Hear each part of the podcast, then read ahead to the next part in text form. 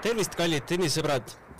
French Openi neljas päev on äh, täna algamas, äh, juba tegelikult käimas, kui me seda äh, saadet siin salvestame, meil on tuba rahvast täis, saatejuht Gunnar Leheste, kaassaatejuht Riho Kallus. tere! meil on täna ekspertidena stuudios Maarja Värv. tere!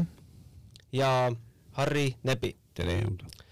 meil tegelikult on juba teine, teine duubel salvestamisel esimene läks natukene nihu aga nüüd, nüüd vast kõik salvestab ja saame rääkida äh, Prantsusmaa lahtistest tennise meistrivõistlustest, mis äh, tuleb tõdeda, lähevad edasi ka meie jaoks, Kaia Kanepi kahjuks küll kaotas Marketa Vondroušovale kuus-neli, kolm-kuus, null-kuus, aga Anett Kontaveit sai Viktoria Golubitšist jagu kaks esimest setti kiires lõppmängus, viimane samuti kuus-null Aneti poolt vaadatuna aga alustame vast äh, Kaia matšist. Äh, seal oli esimeses kahes setis ju mängu küll, et äh, kuus-neli, kolm-kuus, Kaial tuli välja, algus oli natuke rabe, jäi null-kolm taha, aga, aga teises setis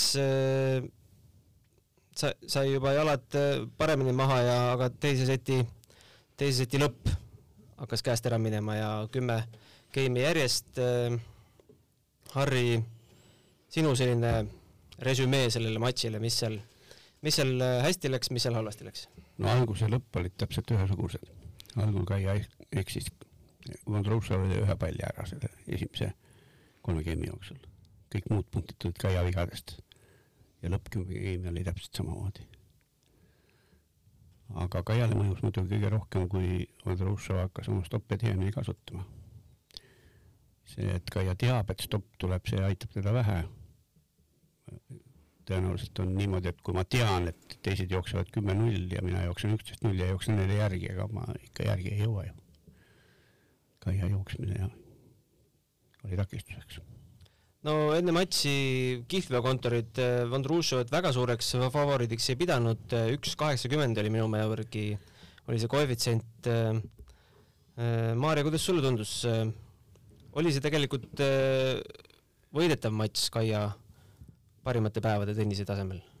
tegelikult neil polnud ju kummalgi selle hooaja liivamängudest midagi erilist ette näidata, et eh, see oligi selline võib-olla natuke fifty-fifty ja kui Kaia sealt null kolme pealt välja tuli, siis eh, minu meelest selle teise seti keskpaigani oligi üsna nagu Kaia käes see mäng, aga nagu Harri ütles, et siis ta hakkas ise rohkem eksima ja Vondrušova sai ka natuke sõiduvee veesse ja nii ta läks minu meelest ei teinud ka Vondroušova mitte midagi teistmoodi.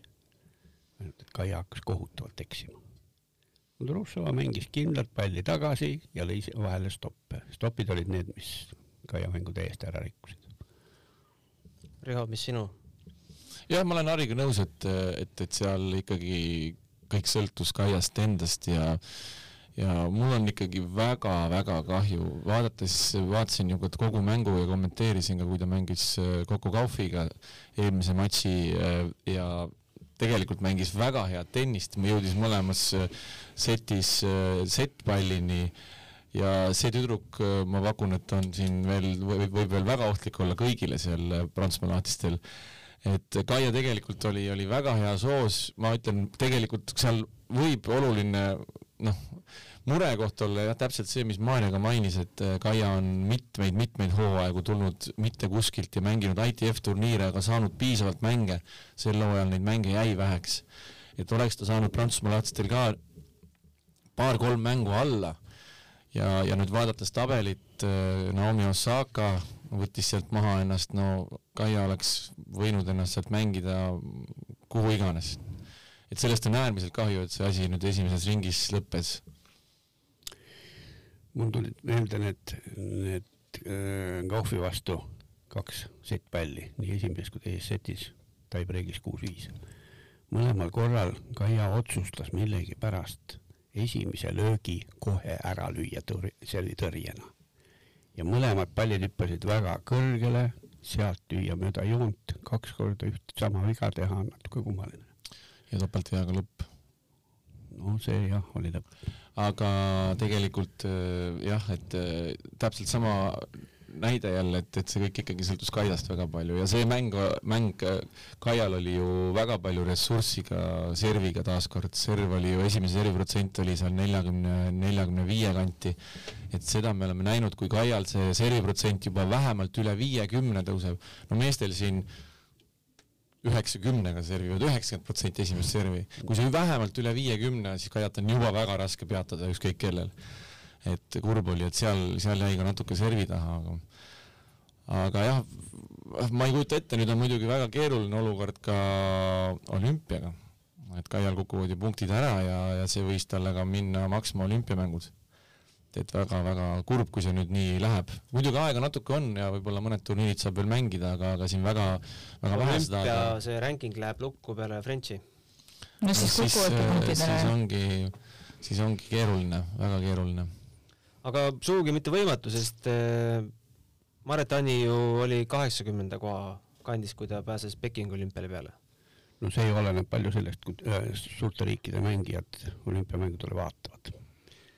Sest paljud mängijad, noh, neil ei ole see eriti tähtis turniir Maret sai sellepärast Pekingis peale, et ta oli seal paaris mängijana ja siis ma ei mäleta, kes pidi üksikmängust loobuma ja kuna Maret oli Pekingis kohapeal ja sa ei saa ükskõik kellele öelda, et kas sa jõuad homseks Hiina, siis sai Maret endale üksikmängu koha. no see on nii keeruline seda olümpia pealesaamist arvutada üldse, mäletan üks aasta, kui olid ju hispaanlased siin hispaanlaste viies reket oli maailma kahekümne kolmas ja ei saanud olümpiale, noh, see väga palju sõltub ka sellest, kuidas seal suurriikidel need mängijad äh, no nagu USA-ga on tegelikult ju praegu, et neid USA tüdrukuid on seal ees ikka päris palju. no et sealt kukub keegi ära päris mm -hmm. kõrgel. Tšehhil on ka. jah, ja Tšehhil ja sellised, et ähm, päris hea madin, jah. et sealt natuke sõltub ka, aga, aga, aga noh, nüüd on see ikkagi üsna küsimärk no tegelikult sai Kaia käest küsitud ka pressikonverentsil, mis ta olümpiaplaanid on, et kui ta pääseks peale, kas siis äh, oleks minemas, ütles, et ei oska praegu öelda, niikaua kuni pole peale saanud, ei hakka midagi otsustama, ma väga pikalt planeerima ei pea, pole kohustust kellegi ees, vaatan, kuidas mulle sobib. no nii ta mõtlebki. see on tema mõtteviis ja, ja noh, kuna ta on karjääri lõpetamas, siis ega need olümpiamängud ju tõenäoliselt ei, medalitele ei pretendeeri seal miks ta ei võiks? nõrgem teistest. teised on tugevad, nii palju on tugevamaid. paarismängus äkki siiski võiks proovida? oot-oot-oot-oot-oot. paarismängu oskavad meie tüdrukud kõige vähem. aga kui trenni läheks, hakkaks harjutama? no seda oleks pidanud viisteist aastat tagasi tegema. nii ta on. Äh, Kaiast äh, veel rääkides, siis Äh, Wimbledoni eelturniire ta ütles, et ta pole ühelegi ennast üles andnud, äh, mängib ainult Wimbledoni, sest murukate pole mulle kunagi meel, lemmik olnud, sellepärast ei taha ka väga palju aega seal muru peal olla.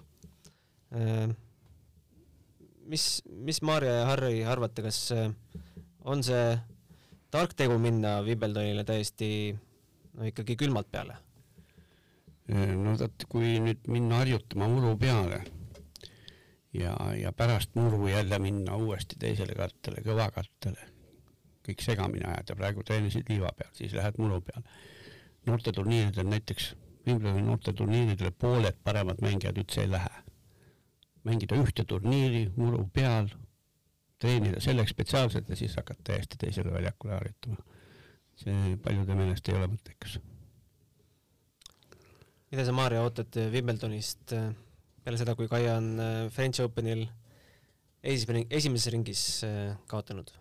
ei tea, raske öelda, võib-olla ongi lihtsalt see, millest me enne põgusalt rääkisime, et tal oleks äkki rohkem mänge vaja, aga kui ta ise ei taha selle muru peal rohkem mängida, siis noh. nii see on jah. temal sõltub kõik loosist, kui tal on niisugune nõrgem vastane seal, ta lööb nii kõvasti muru peal, pall lõpeb kiiremini, kõigil on raske. aga kõvemate vastu ta ei saa seal jah, siis jääbki üle ainult neid mänge loota Wimbledonis, et sa saad need kaks-kolm mängu alla ja võib-olla sa siis saad natuke paremaks, et paraku see nii on siis. aga räägime siis äh, natuke rõõmsamast tulemusest. Äh, Anett Kontaveit äh, võitis Viktoria Golubitši maailma seitsmekümne teine reket šveitslanna, kellest meie siin väga palju stuudios ei teadnud enne, enne matši, aga saime nüüd saime nüüd päris pikalt teda näha, kaks tundi ja seitseteist minutit ja Anett kaotas selle mängu kuu, võitis selle mängu kuus-seitse, seitse-kuus, kuus-null.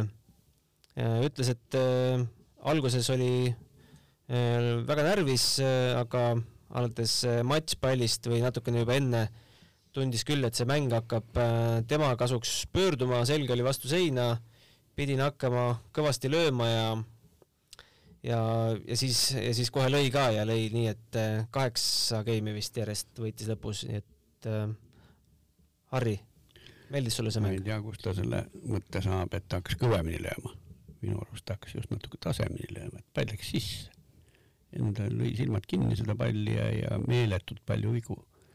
siis hakkas natuke kontrollitumalt lööma, vastane oli väsinud ka rohkem ja ei jõudnud nii palju enam pallide järgi joosta ja sellega ei. Viimases setis oli kolm lihtviga. enne seda kahe seti peal oli kolmkümmend üheksa lihtviga. viiskümmend kaheksa äralööki, nelikümmend neli lihtviga. kokku. no kokku jah Mm. aga viimases setis ainult viis. tahaks liivatennises vaadata neid üldse neid äralööki sundimatud vigad juba see, kes neid, kes neid eh, kalkuleerib ja statist on seal, see on kõik väga subjektiivne. no seal Ja- on mõned nüansid ja No jah, näiteks mõned loetakse loetakse võrku tungimiseks stopi kättesaamist. Kaia käis stoppide järgi neliteist korda ja siis loeti, et ta käis neliteist korda võrgus. täpselt ja ju Harri kindlasti, kui ta liiva peal oma õpilasi õpetab, siis ta ütleb, et ka, et liiva peal ei, ei võideta punkti niimoodi, et sa lööd palli maha, vaid sa pead mängima vastase üle lihtsalt ja sundima ta eksima, nii et need äralöögid on ka väga suhteline, subjektiivne, see on nii ta on jah. Maarja, ütle ausalt, kui Anett oli matšpalliga taga viis-kuus enda servil, kas sa olid valmis, et see ma olin mäng, närv sees ka, ei kas see mäng lõpeb ära? ma ütlen ausalt, et äh, kui see, kui seis oli teises setis äh, kuus-viis, siis ma pidin minema koosolekule ja ma sain ainult skoori vaadata, et nii pole väga raske kommenteerida, mis seal toimus. Riho, sa olid No, no, kindel matšpallil minul oli, minul oli täpselt samasugune olukord, et kui Anett oli seal juba nii-öelda trammi all teises setis ja natukene ja mul oli vaja ka trenni minna, läksin paaris mängu mängima Kalevisse, siis ma läksin koju ja vaatasin uuesti korduses kõik ära, mis seal edasi sündis.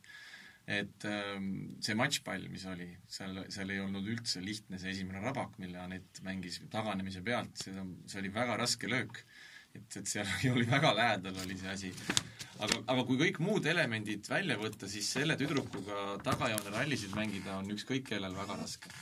et need, kui see pall jääb mängu ja hakatakse seal nühkima, siis see tüdruk jookseb väga hästi, liigub väga hästi, suudab varieerida, no naiste tennises ühe käega tagakätt me näeme väga harva, Navarro on üks, me just siin arutasime, kes on selline, kes veel niimoodi lööb, et äh, ta on lihtsalt natukene pisikene ja lühikene ja pole paraku tal seda servi ei ole, et, et võib-olla seal päris tipus olla.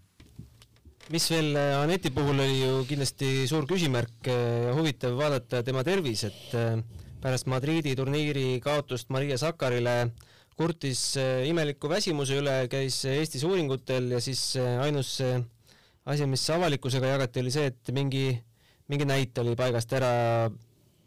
muretsesite ka Aneti tervise pärast, mina küll huviga kohe tahtsin näha, et kui, kui heas või halvas vormis ta on ei oska öelda, kõigil on ühesugune informatsioon, et mis tegelikult toimub, me keegi ei tea ju.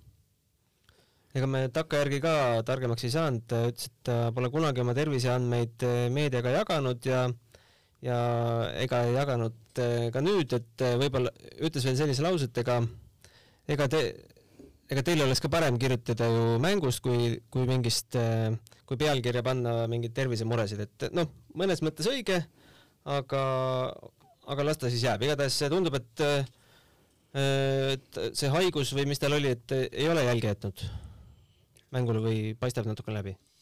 no paistab läbi selles suhtes, et, et praegu ikka vii-, vigade arv oli väga suur. isegi siin Tallinnas treeningut vaadates millegipärast ta kogu aeg ta eriti tagage poolt, ta saab viis sentimeetrit palli üle võrgu lüüa. no nii on vead paratamatud.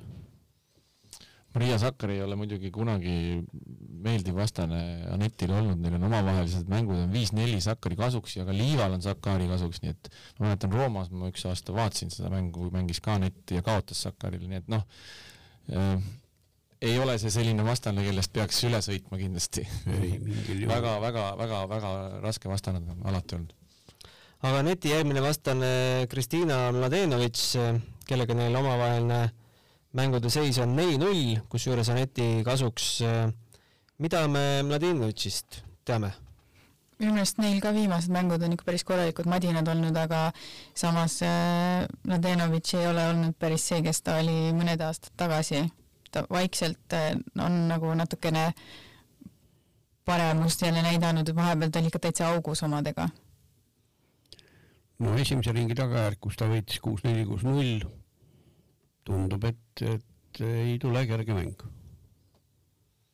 Äh, madinad on olnud küll jah, et äh, Moskvas äh, kuus, kaks, seitse, kuus, Tokyos kaks tuhat kaheksateist, mõlemad siis kaks tuhat kaheksateist, kuus, kolm, seitse, kuus, Stuttgardis ka kaks tuhat kaheksateist, viis, seitse, seitse, kuus, seitse, kuus ja Kopenhaagenis kaks tuhat kaksteist, kuus, üks, kuus, seitse, kuus, kolm, et ehk siis üks liivamäng ja see on kolmesetiline. Stuttgart jah jah, ma, ma olen Harriga nõus, et ega kõik see näitab palju vähem kui see, mismoodi Mladenovitš mängis eile Prantsusmaa lahtistel. et ta on väga hea soos ja on kindlasti, kindlasti raske vastane. Äh, Mladenovitš alistas siis äh, Anna-Karoliina Šmedlova, Slovakkitar praegult äh, maailma saja kahekümne esimesel kohal ja kuus-neli, kuus-null jah, nagu sa ütlesid, vaatan statistikat ka, tegi kusjuures kuus topeltviga, ässasid, ma ei tea, kas ta üldse lööb neid vahel. no vahel ikka. kogemata. jah, esimene serv oli viiskümmend neli protsenti, servipunktid seitsekümmend kaks, äralööke kakskümmend kuus, lihtvigu kolmkümmend viis. nojah, Kaiale teeb see lihtsamaks, et, et Anetil. või Anetil, et, et Mladenovitšil ei ole head servi. Kaial on väga rasked vastased, kõik, kes hästi servivad, et ta ei saa siis rünnata, Kaiale meeldib Anetil. Anetil meeldib ikka servitõrjelt kohe ründama hakata, kui seda ei saa, siis on tal palju raskem. praegu tõenäoliselt see annab eelise. aga ma, olete, ma arvaks, et seal võib-olla mängib rolli ka see, mis ajale see mäng pannakse, et kui see on päeval ja seal saavad fännid olla, siis äh, kohalik mängija ja Mladenovitšil tavaliselt Pariisis on päris korralik fänniarmee taga. aga kusjuures äh, väga paljud mängijad on öelnud, neile meeldib palju rohkem isegi see, kui see, kui see publik on su poolt või vastu, vahet ei ole, best publik oleks mm. -hmm. et väga paljud on ka öelnud seda. aga minu arust teisi publiki, vähemalt Prantsusmaal on küll selline, et nad ikka plaksutavad äh, vastasmängijale ka päris korralikult ja ja vast äh, sellest saadki aru, et oled väga hästi mänginud, kui, kui sulle ka plaksutatakse. ja, ja selles suhtes on soliidne. aga olete nõus, et ju täiesti kõik on võimalik, võib minna ühele ja teisele poole? loomulikult. muidugi. kui sealt edasi peaks saama, siis äh, võime saada sellise vastasseisu, kus on, äh, kus on ühel pool täisverd eestlane, teisel pool poolverd eestlane, aga võib ka nii minna, et saame vastaseks Iga Švanteki. no tegelikult on mõlemad täisverd eestlased ja, ja ühe eestlase isa treener istub meil siin praegu, nii et ta võib rohkem kommenteerida. Mart Petersoni treener on ju Harri Olets samamoodi treener ju. lapsest saadik. no nii, nii et äh, Harril on siin väga lähedane seos. ma ütlen võib-olla, kõigepealt siis tulemus oli Rebecca Peterson alistas Shelby Rogersi äh, kahe, kolmes setis äh, kuus-seitse, seitse-kuus, kuus-kaks. nägid sa seda mängu? ei. ei näinud? ei näinud jah. see oli minu meelest Kaia mänguga samal ajal. võis olla jah aga mis sa üldse, Harri, Rebekast, Rebeka mängust arvad? Rebeka on päris koopia oma isast. mäng on samasugune. puhas sinu käekiri siis see on looduse poolt. Mardil oli hea eskelöök, Rebekal on hea eskelöök, kesine tagalöök, mõlemad kesine tagalöök. Rebekal on parem serv kui Mardil oli tegelikult. no näed siis. tütrel on suutnud servi juba rohkem õpetada, kui sina suutsid talle õpetada. no ja, ja, ja aga kas Rebekal Švanteki vastu võiks lootus olla? minimaalne. jah, see on üks tüdruk, kelle kohta võiks öelda, et isegi võiks täiesti kaalukausile panna, kumb on suurem favoriit, kas Nadal või Sviatek, ega isegi ei oska praegu öelda. aga ikkagi lihast ja luust inimene ja no päris ei ole võib-olla kohati on need pallid kipuvad kandiliseks minema seal, me teame, nii et, et see on võib-olla üks selline mängija ta on üks mängija, kes jookseb hästi, lööb hästi ja on tugev ka veel. füüsiliselt tugev, jookseb hästi, lööb kõvasti ja tennise IQ on ka veel päris kõrge. kõik on olemas. ja kas Anetil temaga vist viimane mäng oli seal Austraalia lahtiste kaheksandikus või? eelmine aasta? Anett äh, võitis teda vahetult enne, kui ta, no kui ta tuli finaalis. French Openi võitjaks, jah. jah, no Liiv muidugi sobib talle veel jah muidugi, aga juba too mäng minu meelest oli niisugune päris äh, tasavägine. oleks võinud emale kummale poole minna. aga on see kaks korda võitnud. Kliival on jah hoopis teine teema. no Sviantek on muidugi, lööb ka suurte keeretega mõlemalt poolt ja hardcore'il see ei mõju nii palju. aga liivaväljakul on jaa, liivaväljakul on selle vastu, eriti naistel on väga raske mängida. ega muidu Pliskova ei oleks kaks muna ta käes. jah, kas keegi, kas sa nägid, Harri, seda Nägin. kahe muna mängu, mis seal siis äh, juhtus? räägi teistele ka. vastasel ei ole mitte midagi teha. ta praktiliselt ei eksinud, lööb kõvasti ja vaene Pliskova jookseb ka päris käsiselt, nii et kui ta peab ühest ajast teise jooksma, siis tal ei ole lihtsalt šanssi punkti saadagi. see oli Rooma turniiri finaal, eks. jah, ma ei tea, palju need üldpunktid olid seal mängus?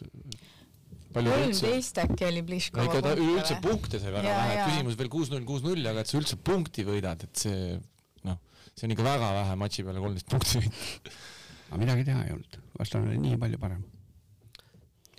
Harri, usud sa, et äh, iga Sviantek võidab ka French Openi ära uuesti? kui ta mängib niisugust tennist, mis ta nüüd liiva peal praegu on mänginud, siis tõenäoliselt. keegi vastu ei saa? noh, vastu saavad. Williams kindlasti oma suure serviga ja, ja kõvade löökidega vastu. no Williamsil tuleb eelkõige sinna jõuda, et Williamsil on ka väga raske seal ju enne on, enne on tulemas ju tal seal Sabalenkad ja ja, ja, ja oi, tal on seal ikka väga palju veel raskeid vastaseid. kas keegi Serena esimest mängu juhtus nägema? ma nägin, vaatasin vist viis-kaheni ja siis mõtlesin, et tuleb kerge mäng ja pärast vaatasin, et ta pidi ikkagi kiires lõppmängus seda esimest setti seal pingutama. jah, läks viis-kaks juhtima ja lõpus siis äh, kiire lõppmäng kaheksa-kuus. jah, aga see on jällegi järjekordselt selline hea öö, näide sellest, et võib-olla sellistest, sellist tüüpi mängijatele ka nagu Rafael Nadalile, võib-olla see esimene ring natuke kauem väljakul olla on isegi neile mõjub väga hästi. Nad lähevad iga mänguga üha paremaks ja paremaks ja paremaks, selline kuus-null, kuus-üks mäng ei anna midagi talle, aga ta Nadal ütles ka tegelikult ju oma esimeses mängi, mängus Popirini vastu, et ega see esimene sett oleks võinud minna nii või naa, see oli väga-väga lähedal, et oleks võinud Popirin võita, teame ju mees tampis siin ju Sinneri alles ära Madridis praktiliselt kaks setti. et sellised esimese ringi mängud on tegelikult neile, neile mõjuvad võib-olla et paremini isegi. aga Serenal oli vist ka liival nüüd ainult üks võit enne Prantsusmaale tulekut, Parmas ühe sai onju. täpselt sama lugu, et ei ole ka saanud mängida ju korralikult. Ahistas siis rumeenlanna Peegu ja teises ringis äh, mälu järgi ütlen, et oli ka rumeenlanna tal vastas äh, Pusarnescu. jah, jah. vaadake, see viis-kaks eduseis tundub, et nii palju juhtis.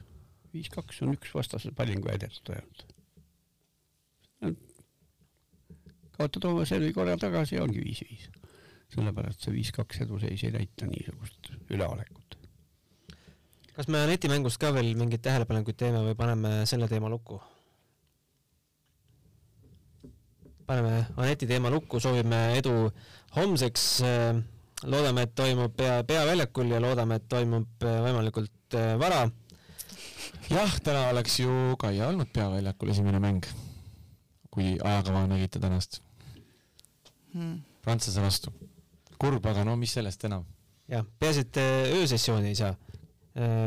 French Openi ööses, öösessioonidest rääkides, siis äh, äh, võib-olla ma olen valesti aru saanud, aga minu arust see ju tehti selle jaoks, et, et publikult rohkem raha välja pumbata, kõik ühte kohta kokku tõmmata peaväljakule tähelepanu suurtele staaridele, aga on siis hoopis nii, et kella üheksast on Pariisis liikumispiirang ja tuleb hoopis koju kotile minna ma sain aru, et nende õnneks see liikumispiirang lõpeb selle nädalaga ära, et nad vähemalt järgmisel nädalal saavad endale lubada seda, et seal öösessiooni mängudel on ka fännid kohapeal.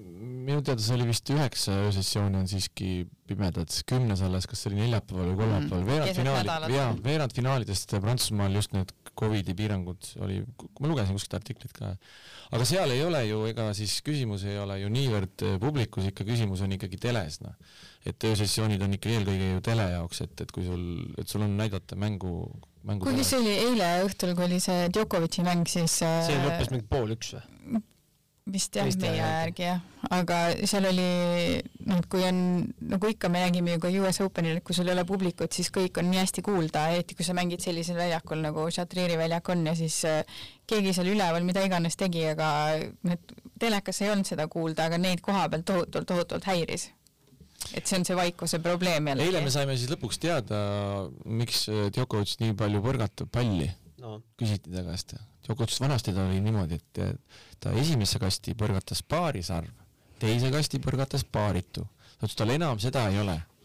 aga eile Mats Villander küsis ta käest selle küsimuse ära ja siis ta ütles, et ei, et nüüd on juba täitsa suvaliselt, et et kuidas tal ikka, kui tähtsad hetked on, siis mõtleb oma mõtted kõik läbi ja vabandas küll, ütles, et ma väga vabandan, et ma nii kaua põrgatan. ma üritasin täna Nadali ja Popõrini mängu järgi vaadata, ma tahtsin näha, kuidas Popõrin äh, selle enda viis-kaks eduseisu maha mängis äh, ja siis äh, hakkasin mõtlema, palju siis äh, Nadal põrgatab, üritasin kokku lugeda, aga see kaameramees ei näidanud lõpuni kunagi alles. keeras alati Popõrini näo peale ära. No ma olen lugenud Djokovicil seitseteist on, on, on küll olnud, natuke alla kahekümne on küll olnud. aga Nadalil on reketiga mingi arv ja siis on tei-, mingi arv käega. ja kui Nadalil on nii palju muid liigutusi ka, mis ta enne peab tegema, et selles suhtes tal on obsessiivkompulsiivse aga seal tegelikult veel hullem variant, Harri, oled sa minuga nõus, veel hullem variant on, küsimus on ju see, et millal kell käima läheb ja kui sa esimese servi mängu paned, läheb kell käima. aga nüüd, kui nad veel seda kahe servi vahel teevad seal, vot siis ei ole enam vahet ja see on kõige hullem, tõrjujale on see väga vastik. Kui seal ka veel kümme korda põrgatatakse, sa pead ju kogu aeg valmis olema. kummaline jah, et vahepeal oli mingi reegel, et ei tohtinud üle mingi arvu põrgatada, aga nüüd ei ole sellest enam juttu olnud. Djokovic algul sellega välja tuli, et, et jokutas seal ei tea kui kaua aga si- si- sina oled teisel pool võrku, sa pead kogu aeg ju ootad, ootad, ootad, üks hetk väsid ära ja siis tuleb see pauk. see on päris, Popõrin äh, vingus ka seal see on päris ebamugav. kindlasti on väga mugav jah. siis keskendumise maksimumi viimine võtab aega, see No ei see ei lähe sekundiga. aga võtame siis võib-olla kõige põrutavama teema nendel French Openitel. no väga kahetsusväärne juhtum, Naomi Osaka eh, sellest, et ta ütles, et ta ei räägi pressikonverentsidel, et ta ei anna üldse pressikonverentse.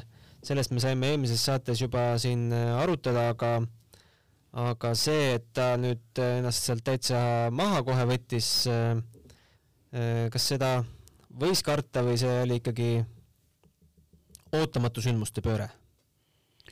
mina igatahes minust ei saa absoluutselt aru, kas ta siis ei, talle makstakse ju selle eest raha mitte vähe. ja, ja kui tribüünid on tühjad, on kohe veel vähem raha. kuskilt nad peavad saama, nad peavad propageerima seda tennist, siis kui tema esineb, kõik vaatavad teda, kas ta ei saa midagi aru või samamoodi oli, kui ta seal Ameerikas loobus see Black Lives Matter seitse erinevat maski. keegi ütles talle ilmselt, et sa ei tohi mängida ja, ja, ja see tüdruk on niuke arusaamatu. aga sa mõtled seda eelturniiri? mitte US Openit ennast, vaid eelturniirit võttis maha jah. seal on muidugi hästi kurb, et, et ikkagi sellisel tasemel sportlane, kes on maailma enim makstud naissportlane hetkel üldse, et äh, see ongi see tänapäeva sotsiaalmeedia, et sa igaüks ütleb seda, mis sülg suhu toob kohe, et, et kus, kus kohas on mänedžerid, kus kohas on nagu, et see, see nii-öelda PR abi jäi nüüd päris palju hiljaks, sest äh, ta ütles, et ta võttis sellest turniirilt maha, noh suure tõenäosusega oleks ta ise maha võetud, kui ta oleks jätkanud seda.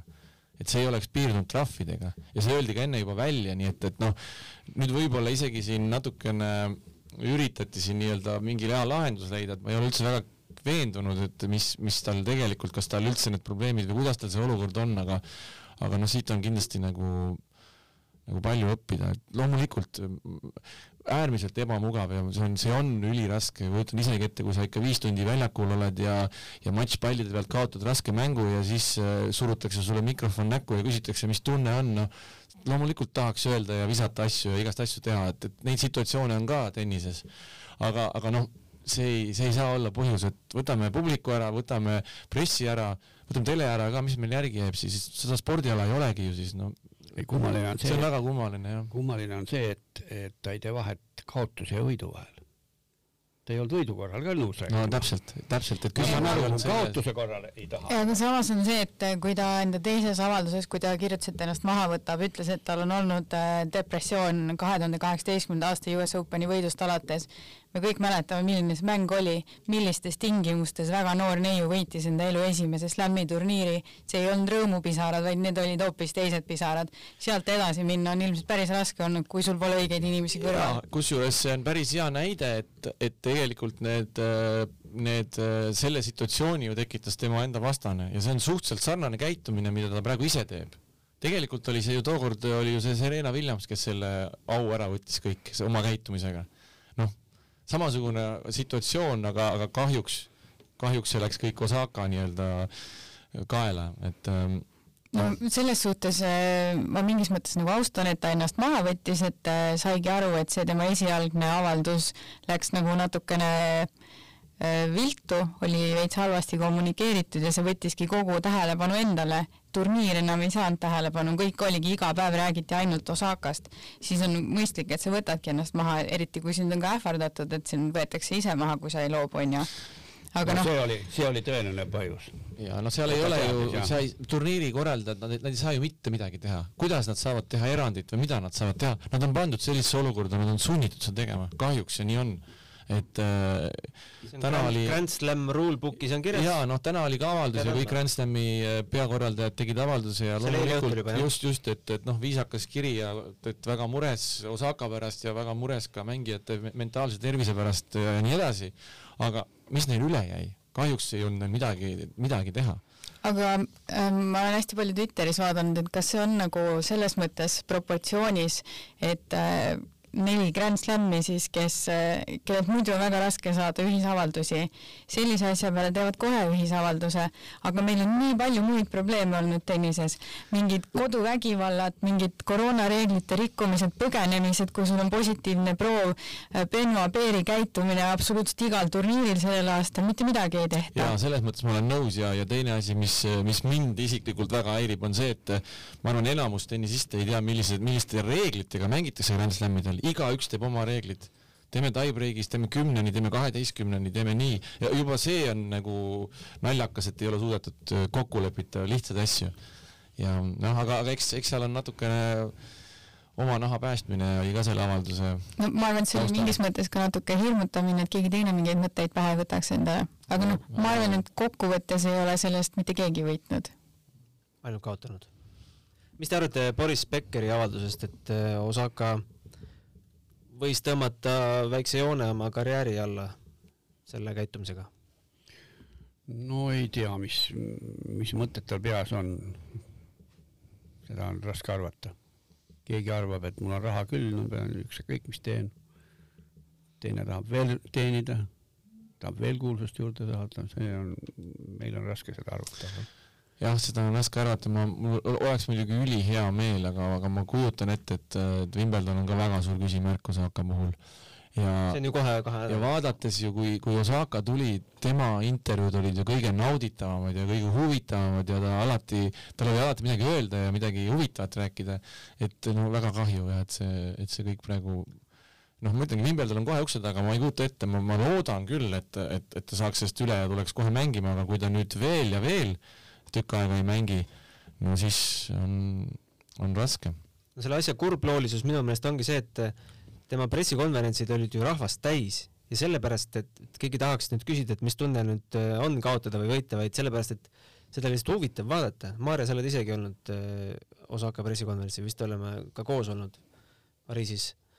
et äh, need olid alati vaimukad see, et ta natukene häbelik on, aga samas keegi ei pane seda talle ju pahaks, et äh, kõik ju suhtlevad temasse sõbralikult ja see, et äh, tema pärast ju reisivad ju Jaapanist ajakirjanikud kohale spetsiaalselt tema pärast, nad ei reisi enam Kei Nishikori pärast, et et mis, mis tunne võib olla nendel ajakirjanikel, kes nüüd, kes nüüd äh, sõna otseses mõttes tühjade pihkude, tühjade pihkudega jäävad? ma sain aru, et pärast enda esimest mängu sellele mm, vist Wow Wow on see Jaapani kanal, mis on ta isiklik sponsor ka, et nendega ta oli ikka rääkinud nii paljugi. jah, me ju ei näe inimesi sisse ja meie ju ei tea, mis seal toimub, et, et, et ongi võib-olla keerulised ajad ja mis iganes ajendas teda seda, seda, seda nii-öelda tweet'i tegema, aga mis minu jaoks natukene keeras seda absurdsust üle võlli, oli äh, erinevate tenniseajakirjanike arutlus, et äh, et ilmselt talle sellepärast ei meeldi, et ta ise on noor naisterahvas, kes kujutage pilti, on veel mustanahaline ja ka Aasia juurtega ja pressiruumis on vanad mehed mis vahet seal on, kas ei ole nagu põhiline, et seda ta ise pole kuskilt öelnud, see tuli jah? põhiline on ju, et seal on küsimus, küsimusi inimesed, kes seda ala jagavad, kas me peame sinna panema noored naised, kes ei tea mitte midagi, et tal oleks lihtsam või? See on ju absurdne põhjendus, igalt poolt otsida mingit rassismi ja seksismi ja mis iganes tonti veel. ja just täpselt, et, et mida rohkem neid teemasid üles võetakse, seda, seda keerulisemaks see kõik läheb, et võiks pigem nagu keskenduda spordile.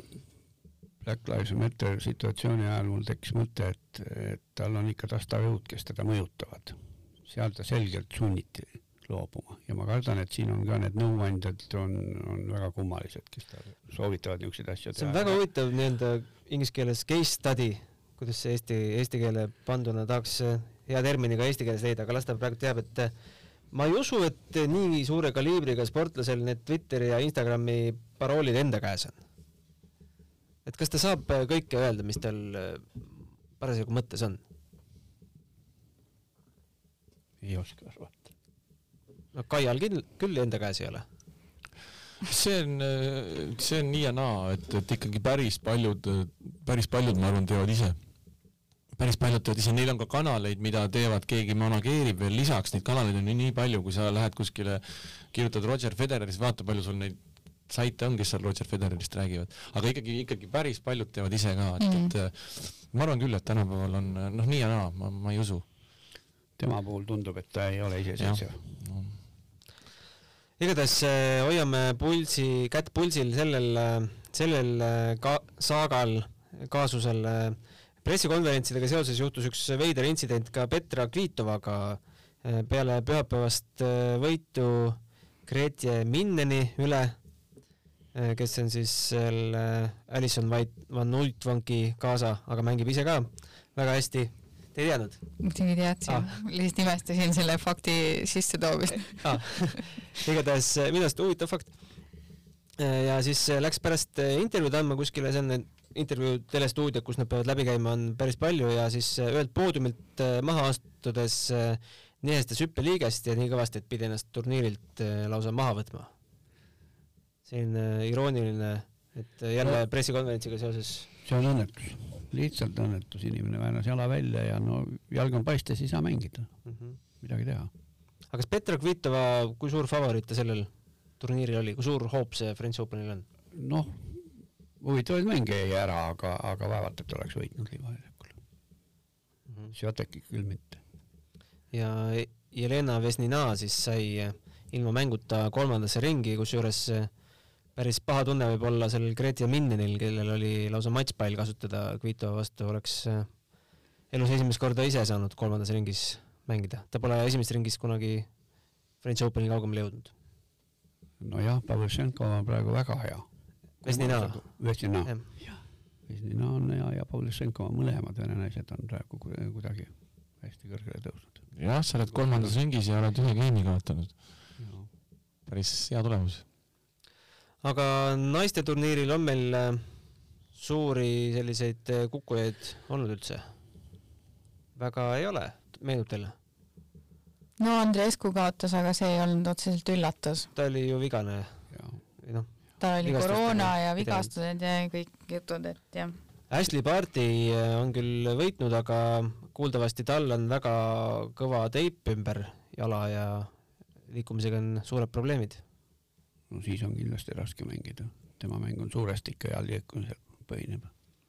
ta, ma vist lugesin, et ta ise ütles, et, et tal hakkas see mängu ajal häirima, sellepärast ta võttis ka selle meditsiinilise pausi, aga et ta kavatseb kindlasti nii kaua jätkata, kui on võimalik ja endast igas mängus nii palju anda, kui saab, aga et noh, kui palju see tegelikult ikkagi mõjutab, on jah ja väljas on ka mõlemad lätlannad, Jelena Ostapenko ja Anastasia Sevastova Ostapenko kaotas siis äh, äh, Sofia Keninile, Sevastova äh, nüüd kohe peast ei teagi, igatahes äh, Baltikumi au peavad kaitsma siis Kontaveit ja Berankis, kes sai jagu Hugo Humbertist. Sevastoval oli äkki Brady või? võis olla küll, jah. me Riho mäng-, rääkisime ka sellest Berankise Humberti eh, matšist enne, enne selle toimumist, eh, aga Berankise kolm-üks võit on No. natukene üllatav. esiteks on minu jaoks üllatav, kui me eelmise aasta lõpus äh, kommenteerisime siin ATP turniire, siis minu jaoks kohe kaks, kaks meest tegelikult, Janik Sinnani kõrval ka Hugo Umber to, to, öö, torkas kohe silma, et see on, see on väga hea mängumees ja et seal on kõvasti potentsiaali, aga tal ei ole läinud nii hästi. noh, Sinnerit juba kõik teavad, Sinner on ikka väga kaugele jõudnud, et Hugo Umber minu jaoks isegi üllatav, et ta, et ta ei ole, et ta ei ole veel mingeid väga suuri võite saanud aga no Berankis liival alistada Umbeeri, Berankis on vist üks väheseid äh, mehi, kes äh, ei oska libistada liiva peal isegi, ta jookseb sinna palli juurde ja lööb seda palli, et, et see on kummaline, et ta ei ole õppinud isegi seda libistamist ära liiva peal ja sellise matši välja tõmmata, et, et müts maha, müts maha Beranki sees. ta ei tõmmanud midagi välja. ta muidugi. ta lõi praktiliselt teise maha. no nii, ei lüüa ta oskab ju väga tema hästi. juhtis mängu kogu aeg. Tema oli see, kes mängu juhtis. no seda enam. ja, ja tema pallid lendasid ja vastasel on pall ei lenda. mida me teame Berankise järgmisest vastasest James Duckworthist, Austraalia ATP sada üks? kes võitis suppi, sopp. jaa, mul tuleb, mina, ma olin ise, ma olin ise. Austraalias ju kohal tol ajal ja pumpasime Jürgeni esimest korda elus Austraalia lahtistele ja vaatasime tabelit, et niisugune tabel ka veel tuli ja siis tuli see kaotus, see sellest ajast on meeles. see on ainus, mis mina temast tean. Duckworth jah, aga ma vaatan, kihlveokontorid peavad teda soosikuks, üks koma nelikümmend neli on koefitsient versus kaks ma koma näiteks tema seitsekümmend viis., ma ei tea mitte, mitte midagi, mis ta liival teinud on. ei ole ka aimu jaa. Jah, selline ka hästi tugevate jalgadega jookseb kõvasti, aga ei ole võib-olla löögiarsenal ei ole midagi erilist relva tal ei ole, et et kes on, kes on siin ikkagi natuke mingisuguse relvaga mängivad ta üle, noh. ta on esimest korda Duckworth äh, French Openi teises ringis ja pole teistel slämmidel ka teisest ringist kaugemale jõudnud, Austraalias on jõudnud äh, lausa neljal korral teise ringi. igatahes Berankisel on hea võimalus kohtuda kolmandas ringis Djokovic'iga. No see on äh, Berankist Djokovic on, on jah, väga-väga põnev, aga minu arust on seal veel üks põnevam kohtumine ees ootamas, et teame, selline mees nagu Lorenzo Musetti mängib oma elu esimest Grand Slami ja seda nime juba tennises teatakse, sest ta on ikka väga häid võite saanud ja tuleb oma esimesele elu Grand Slamile, mängib paigutatud mängija vastu, teeb talle muna. David Koffanil tegi kuus-null, nii et ma ootan väga põnevusega, et need mehed esimest korda kohtuksid, nendel on potentsiaalselt võimalik kohtuda vist kas neljas ring või? Et ma loodan, et Djokovic äh, ja- see on päris, päris huvitav vastasseis, mis, mismoodi Djokovic Musetiga mängib väga,. väga-väga valus vend. no Djokovic'i äh, šansid on muidugi märksa kõrgemad. Djokovic võib mõlemalt poolt palli lüüa. aga Kohvän löök, palli kiirust ei ole enam, pärast, pärast Covidit oli Kohvän päris kott. Praegu on ta natukene parem, aga, aga nad, enamus mängijaid on, kui nad Covidi on läbi põlenud, siis nad on päris Paie oli ju, ju täiesti ei osanud üldse mängida, algul ta tuli, nüüd on natukene rohkem. ka Medvedjev oli rääkinud pärast enda esimest mängu, et tal läks, et umbes eelmisel nädalal hakkas ennast nagu täitsa hästi jaa. tundma, et ikka mingi viis nädalat vähemalt oli päris kehv olla. aga see mäng oli, mis ta kaotas, eelmine turniir, see oli näha, et inimene ei ole üldse veel kuhugi jõudnud. aga nüüd, kui publikut võitis, ta pärast ütles, et talle väga meeldib liival mängida no esimene võit Prantsusmaa lahtistel. kui publik, publik lööb ainult servi ja, ja oskab eeskätt lüüa, sellega oli lihtne. Medvedjevi teise ringi vastane on siis äh, Tommy Paul, maailma viiekümne teine reket, ameeriklane. ei ole kerge vastane. Jookseb väga hästi ja, ja, ja möllab nagu, nagu Sandgrengi eile seal Djokovic'i vastu, samasugune mängija. no Medvedjev on küll teise asetusega, aga on ta selle tabeli poole favoriit? mina ei saa aru, miks Danil Medvedev räägib, et talle ei meeldi liivaväljak. vaadates ta esimest mängu, no müstiliselt hästi mängis, liikus liival, kõik oli kõik oli olemas, et võib-olla ta räägib seda juttu ka sest Liiv natukene, pidi räpane olema. no mänguga sai väga hästi hakkama, et mina üldse ei alahindaks Danil Medvedevit. väga korralikult ta mängis. vist ütles äh, kui enne sellise lause, et äh, mulle vist nüüd meeldib no tööd, no vot, vot jah, just, et ma tahaks ka ütelda, et tal oleks aeg hakata natukene liiva ka armastama, et tegelikult sai väga ilusti hakkama esimeses mängus. vaata eh, liiva peal serv nii palju ei mõju, tema suur relv on ju serv. hardcore'il saab ta väga palju punkte, on matše, mis ta on võitnud ainult serviga. Liiva peal lüüakse need tagasi ja siis on ikka raskem. no Medvedevil paistab äh, kolmandas ringis võimalik vastasseis Reili Opelka või Jaime Munariga. ja neljandas äh, on siin ainsana asetatutest alles jäänud äh, Garin, Tšiili poiss. no jah, tabeli alumist poolt rääkida, siis seal ikkagi väga noh, väga suur tõenäosus on seal, et eks seal tuleb Tsitsipas Medvedevi matš ja, ja no väga head võimalused on ju Kaspar Ruudil. mm.. Kaspar Ruudil on ju väga head variant, temal on Zverev, eks ju, et ja see on ka esmane kohtumine, need poisid ei ole ka veel ühtegi korda mänginud. et see oleks ka väga põnev lahing. et siin selliseid esmaseid vastasseise on, on nagu mitmeid, täpselt samamoodi nagu me rääkisime, et ei ole Museti kohtunud kordagi Djokovic'iga, ei ole ka kohtunud Nadal kordagi Karatševiga, see oleks ka selline veerandfinaal, et siin on väga põnevad, põnevad seisud seal meestel. aga Nadal äh, sai enda vastasest äh, Popõõrnist, sellest juba rääkisime, sai äh, ilusti jagu, väike ehmatus seal oli teises äh, setis, aga aga järgmises ringis on tal Richard Gasquet täitsa enda eakaaslane. seitseteist null on vist omavahel. 16-0 ja Liival on seitse-null. Ma olen kuulnud, et ta vist eh, noorte, noorteklassis Richard ühe mängu võitis ja siis se- sealt edasi. ja see Petita turniiril Jah. vist. no see on üsna selge jah. aga, aga kes on, kes on võib-olla siis, võib-olla siis nii-öelda, kui suurest kolmikust rääkida, siis ega, ega suurel kolmikul Federeril on Tšilitš. no Federerist me veel räägime tõenäoliselt, aga, aga seal on ähm, Pablo Cuevas ja tema ju mängis ennast Genfil, Genfis poolfinaali, sai Dmitroist jagu, sai Opelkast jagu, nii et see mees ei ole üldse lihtne, ma pakuks, et pakuks, et see võib-olla ongi kõige, kõige raskem vastane ongi võib-olla Cuevas nendel suurel kolmikul. tema on siis Djokovic'i vastane. aga ma tahtsin küsida, kas meil on Federeri matšist väga palju rääkida, numbrid on küll sellised, et kuus-kaks, kuus-neli, kuus-kolm Deniss Istomini vastu. Mingit murepilve ju ei olnud. appi, kui ilus see kõik on, see on kõik nii ilus, peatage aeg ja andke talle eliksiiri, et ta jääkski mängima, ma just vaatasin, pisar tuli silma. see on nii äge.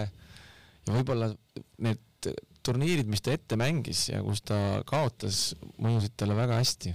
mul on selline tunne tagantjärgi, sest ma ise ei saanud üldse aru, et tuleb mängima no loomulikult äh, enne Doha turniiri ta treenis koos Daniel Evansiga, mida Daniel Evans teinud on peale seda treeningud Federeriga, kuidas on Daniel Evansile mõjunud, liiva peal sai Monte Carlos Djokovicist jagu.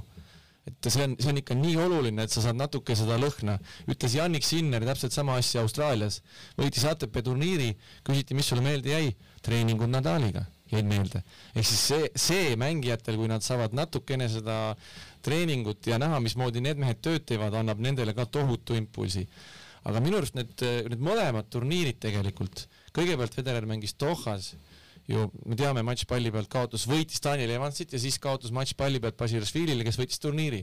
ei mänginud üldse halba, halva turniiri, aga tema sõnum kõigile oli see, et mul on selline vorm, ma pean trenni tagasi minema. oli Federeri sõnum. ja nüüd tegelikult samamoodi oli ju Pablo Andujarriga oli otsustavast breik, breigiga peal, väga hea mäng, ma vaatasin seda algusest lõpuni, ei olnud midagi sellist tunnet, et Federeril oleks kuidagi kehv vorm või midagi ja Pablo Andujar mängib ka suurepärast tennist liival. vaata oma elutennist äh, nüüd võitis tiimi. Dominic Tiimi täpselt, noh nii, võidad liial Dominic Tiimi maailma neljandat teketit. ja jälle sama, Federer ütleb, no kus ma sellise vormiga ei saa midagi. ja nüüd tuleb mängib Prantsusmaa lahtistel, loomulikult vastane, no paremat tabelit annab Harri vist leida Federerile peale Domin-, et, et Istomin liival, kuigi mees tuli kvalist läbi, võitis kolm mängu ikkagi, ei saa ka öelda, et oleks mitte keegi. aga, aga noh, Federerile kindlasti väga hea va- vastane Marin Tšiilis teises ringis. no Tšiilis on viimasel ajal kehvalt mänginud, aga siin turniiril tundub, et on päris hoos. ei saa kerge olema. Tšilitši täpselt samamoodi ju ainuke kord, kui ta Federeri võitis, oli tema eluturniir, kui ta võitis Ameerika lahtised. see oli siis poolfinaal Federeriga, rohkem ta pole Federeri võitnud. Liival ei ole ka ühtegi korda võitnud. et ähm, ma millegipärast äh, kaldun arvama, et ikkagi seal suurel kolmikul väga probleeme ei ole järgmises ringis. No Federerist ja Djokovicist rääkides, siis minu meelest äh, mõlemalt küsiti pressikonverentsil ka olümpia kohta, et mis äh, mõtted nendel olümpiaga seoses. Ja sealt jäi üldiselt ikka kõlama see, et äh, Djokovic tahab, et oleks publik tribüünil, et ta jälgib seda olukorda ja Federer ikkagi tahab oma perega reisida, ma olen aru saanud, et et olümpiakorraldajad peavad ka päris palju vastu tulema staaridele, kui nad tahavad, et sellised staarid üldse mängiks neil. me teame, et olümpiareeglid on ju väga karmid, et äh, palju sinna üldse rahvast lastakse, piiratakse kõike, mida piirat-, piirata annab. jah, see tundub nagu natuke kahtlane, et keegi saaks mingisuguse eriloa, et ta saaks endal terve perekonna kaasa võtta, arvestades, mis reeglid seal on äh, paika pandud.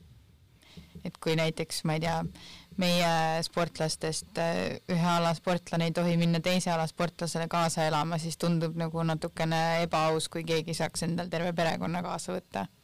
aga vist see Jaapani fännide tribüünide lubamine pole veel otseselt otsustatud, et see peaks vist tulema nüüd juuni jooksul või? eriti ebaaus on see, kui sul veel neli last on. eks ole, jah. no aga mis tenniseturniir see ilma Federerita ja või no Djokovicita on? kas teil on neid mängijaid vaja või teil ei ole neid mängijaid vaja? nojah, aga olümpia ei ole ainult tennis, seal on kindlad reeglid ja, ja vaevalt seal hakatakse midagi. seal peaks olema mingid teised alad ka ju. peaks jah ja. no siis võiks ju kõik mingid korvpallurid, jalgpallurid, kõik ütlevad, et mul on vaja seda, seda, seda, et noh. ega need saa. reeglid ei ole kiusamiseks mõeldud, need on ju konkreetse situatsiooni päästmiseks. niikuinii nad, kui nad teevad üldse, siis nad on kõvasti vastu tulnud noh, ja hakka seal vastu tulema, kui seal suurusjärgud olid kümme tuhat sportlast, kümme tuhat ajakirjanikku, teisel mingisugune mööndus kellelegi, siis on sul kümme tuhat selja taga. no aga Naomi Osaka tuleb olümpial välja? ei tule?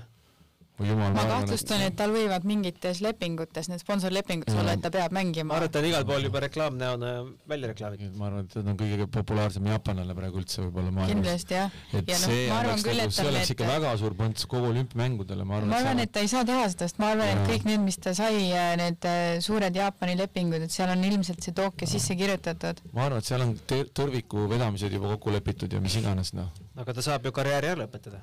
seal. ja siis tagasi tulla jääb rahast ilma, muud midagi. sellest rahast, mis tal juba viiskümmend viis miljonit eelmise aastaga on äh, lepingutest kogunenud, ma arvan, et sellest ei jää enam ilma. no aga, aga tulemas on sada veel. sellest jääb ilma. ma ei usu, et ta karjääri ära lõpetab. ei, ei, ei lõpeta, ei lõpeta, see oleks nii kurb. ei, ei usu. igatahes on kellelgi veel French Openil midagi, midagi hinge peal täna on üks põnev vastasseis minu jaoks. ainult üks? Äh, üks, üks, ütleme siis kõige põnevamaid vastasseise minu jaoks on, äh, on noor äh, kaheksateistaastane hispaanlane, kes alles sai oma sünnipäevakingituseks matši. Carlos Alcaraz. just nimelt, kes sai kingituseks matši Rafael Nadaliga, no seal oli ärevus nii suur, et seal erilist mängu ei tulnud, aga tema vastane on täna Basilashvili. et see on, see on põnev matš kindlasti. on, on kindlasti põnev. Azarenka ja Clara Tauson on ka täna endine ka huvitav juunioride esinejad. ja see on ka kindlasti väga huvitav. aga kas on Dawson ikkagi nii valmis mängija, et ta saaks juba Zarenka vastu ka? no see on ikka, Zarenka on täna midagi muud, kui ta kunagi oli. Dawson on küll VTA üheksakümmend juba. ja Zarenka jooksmine on palju kehvemaks jäänud, liikumine väljakul on kehvemaks jäänud.